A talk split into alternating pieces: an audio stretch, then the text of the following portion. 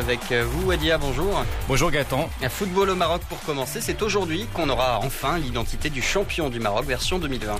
بالفعل جايتون يتم التعرف اليوم عن هوية بطل المغرب الجديد بإجراء الجولة الثلاثين والأخيرة المتصدر الرجاء البيضاوي يبحث عن لقب غاب عن الخزائن لسبع سنوات. مراد يستوجب تحقيق الانتصار أمام الجيش الملكي في الكلاسيكو.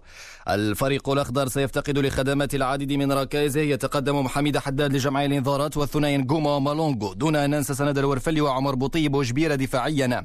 مهمة الرجال أن تكون هينة أمام فريق عسكري عاد بقوة في الجولات الأخيرة.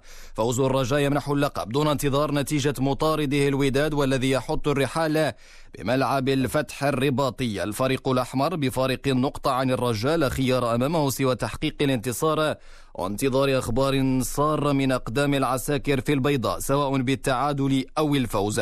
عن مباراة الوداد ضد الفتح الرباطي نستمع للمدرب المساعد للوداد طارق شهاب. مباراة بطبيعة الحال هي مباراة مصيرية ولكن آه، غتبقى مباراة غادا تلعب في 95 96 دقيقة اللي غتلعب بين جوج ديال الفرق اللي كيقدموا يعني مستويات آه، جيدة. بطبيعة الحال آه، غتكون الغلبة بالنسبة للفريق اللي غادي يعني يخدم على الجزئيات ديالو. فريق الوداد الرياضي اللي بطبيعة الحال كيحاول أنه يعني يجري المباريات ديالو بمستوى مزيان اللي يرضي بطبيعة الحال الجمهور الودادي. أما فريق نهضة البركانية المنافس حسابيا على اللقب وين بشكل معقد سيرحل لملاقاة أولمبيك آسفي فعليه انتظار سقوط الرجاء والوداد واكتساح القرش المسفوي بحصة عريضة واقع وإن يبدو جد معقد.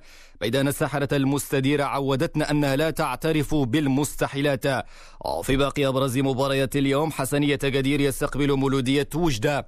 هذه المواجهات تنطلق في تمام الساعة السابعة من مساء اليوم. في باقي أبرز نتائج الجولة الأخيرة اليوم أمس سريع واتزم تفوق على اتحاد طنجة أمس بخمسة أهداف لثلاثة يوسفية برشيد تفوق على الدفاع الحسني الجديدي بهدف نظيفة نهضة الزمامرة تعادل أمام أولمبيك خريبكا بهدف في كل شبكة. أما المغرب التطواني فأنهى الموسم بفوز على الأولمبيك خريبكا الجريح بهدفين لهدف واحد وهي المباراة التي قادتها بالمناسبة الحكمة المغربية الدولية بشرى كربوبي لتصبح ثاني حكمة مغربية تقود مباراة في القسم الأول. بعد خديجة مرزاق التي أدارت مباراة بين فريقي المغرب الفاسي وضيفه مولودية وجدة. وذلك في العام 2004 في سياق متصل مرتبط بالبطولة الاحترافية قررت العصبة الوطنية لكرة القدم الاحترافية وبتنسيق مع الجامعة الملكية المغربية لكرة القدم تنظيم مراسيم الفائز المرتقب باللقب يوم الأربعاء القادم بملعب الفريق الفائز باللقب إلى مستجدات المنتخب المغربي الذي يواصل معسكره الإعدادي بمركز محمد السادس بالمعمورة أكدت الجامعة الملكية المغربية لكرة القدم أمس أن لاعب فريق ياكس أمستردام الهولندي نصير مزراوي التحق بمعسكر الأسود فيما غادر حكيم زياش المعسكر من أجل الالتحاق بفريق تشيلسي لمواصلة برنامجه العلاجي كما كان مبرمجا سلفا بين الطاقمين الطبيين للمنتخب ونادي البلوز.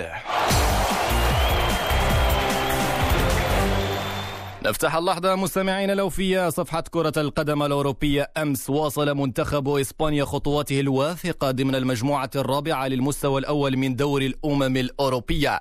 إثر فوزها على ضيفه سويسرا بهدف دون رد بينما تذوقت ألمانيا طعم الانتصار الأول في نفس المجموعة بفوزها في عقر الدار أمام أوكرانيا بهدفين لهدف واحد وذلك في إطار الجولة الثالثة التي أقيمت يوم أمس. قمة نارية مرتقبة لحساب الجولة الثالثة اليوم تضع فرنسا بطلة العالم في مواجهة حامل لقب دوري الأمم الأوروبية البرتغال.